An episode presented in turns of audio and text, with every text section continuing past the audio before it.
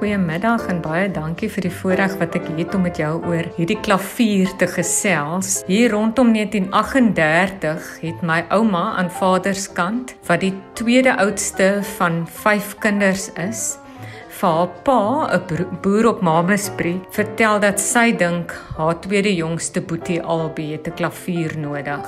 Sy het 'n talent in hom bespeer en sy het gevoel die man moet 'n klavier kry.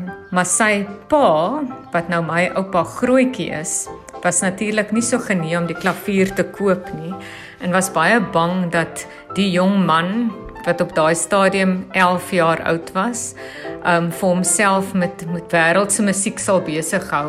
En ek word vertel dat my ouma vir my oupa Grootjie probeer ooreed het en gesê het hulle kan selfs vir albei 'n trekklavier koop en dat musiek darm nie net wêreldse musiek kan wees nie, dat hy ook haleluja liedere kan speel en so het Mattie my ouma toe haar pa oortuig en die twee is Kaap toe en daar het hulle vir albei 'n klavier gaan koop. En oom Albie het self vir my vertel hoe hy die eerste dag toe hy die klavier kry, onder die klavier geslaap het. Dit was as ware sy eerste liefde gewees en van daardie af is hierdie klavier gebruik om sy hartsgoed mee te toon set.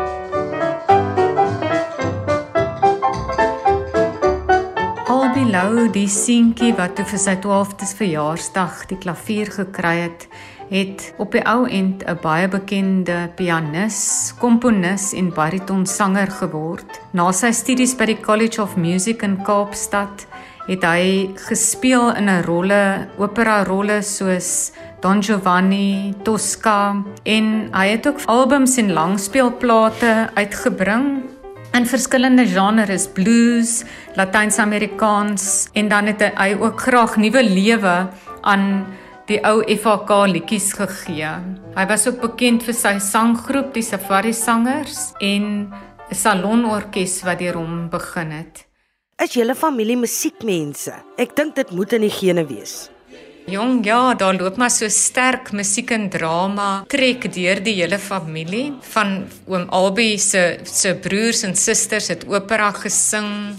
Daar's 'n niggie Hanlie Lou in die familie wat ook 'n 'n groot opera sangeres was. Beide my oupa en my ouma het self ook um gesing. Ja, dit is toe ook in die 70's wat die klavier in oom Albie se studio in Langstraat beland het. En daar is dikwels bymekaar gekom rondom die klavier. Hy is nie net gebruik om musieklesse te gee nie, uh, maar daar was ook bymekaarkomste van die salonorkes wat dikwels uitgesaai het oor Springbok Radio. Hulle het daar bymekaar gekom en geoefen en dan ook die safari sangers as die mense van van die 70 sal sal dalk hulle kan onthou.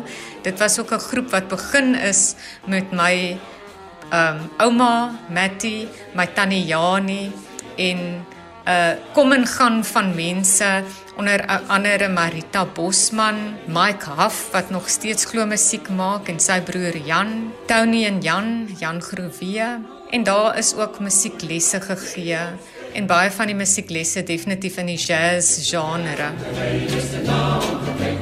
Hoe sal maar kom my nooit te kry. Die pad is te swaar en die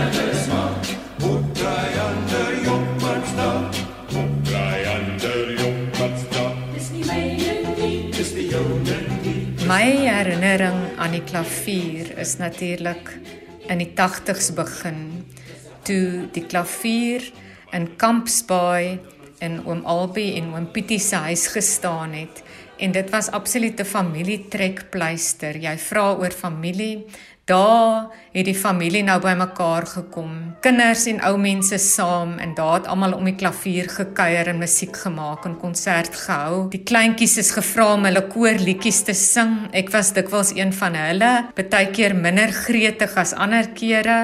En dan is daar nou net lekker ja, opera gesing, ligtig musiek gesing en van die ehm um, wysies wat ek kan onthou van daai tyd is goed soos I've got rhythm in Sentimental Journey. Die familie se kinders was ook natuurlik altyd welkom rondom die klavier en ek verstaan daarso is een van die neefies in die familie wat as baba begin huil het as daar 'n mineur toon op die klavier gespeel is.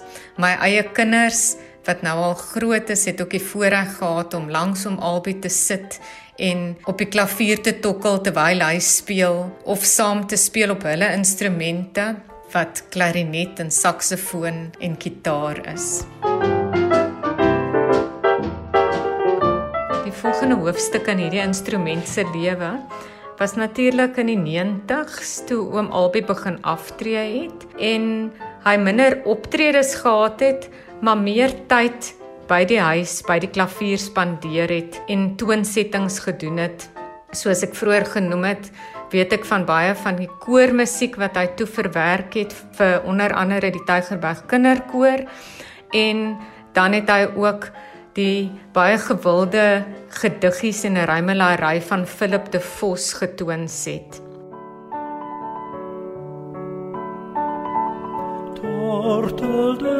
Tortelduif in jou vlug Val 'n veertjie uit die lug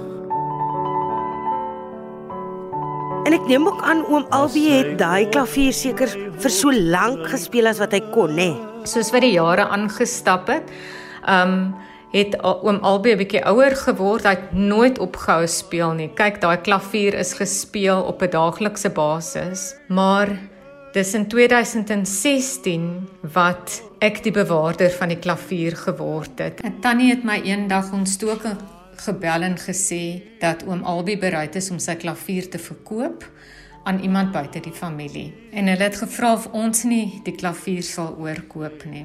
Ons het maar uitgevind wat die prys is en toe het dit net ons dit gedoen. En van toe af het die klavier in die Boshoff huishouding kom staan. Daar het ons ook alhoewel nie ek of my man klavier speel nie, is al, altyd van my kinders baie musikaal En daar is die musiekinstrument op 'n ander wyse bespeel, meer deur gefrustreerde studente wat gehoor het daar is 'n klavier en verlang het na hulle skooldae waar hulle musiek as vak geneem het en kom speel dit op die klavier. Ons het ook probeer om musiekaande by ons huis te hou waar ons mense genooi het onder andere Mel Botes en Simon Orange en so het ons probeer om die klavier aan die lewe te hou. Hoe beland oom Albie se klavier toe op Prins Albert? Want dis waar ek hom laas gesien het. In 2021 het ek en my familie besluit om na Prins Albert te verhuis en met die oog op die verhuising het ons toe besluit dat die klavier gerestoreer moet word. Ons het hom geneem. Dit was nogal hartseer om die prentjie te sien van die arme klavier wat heel uitmekaar gehaal is, maar hy is toe weer mooi blink gemaak, letterlik van kop tot toon en um, ons het ook sy afwerking weer verander na die blink swart afwerking wat hy oorspronklik gehad het.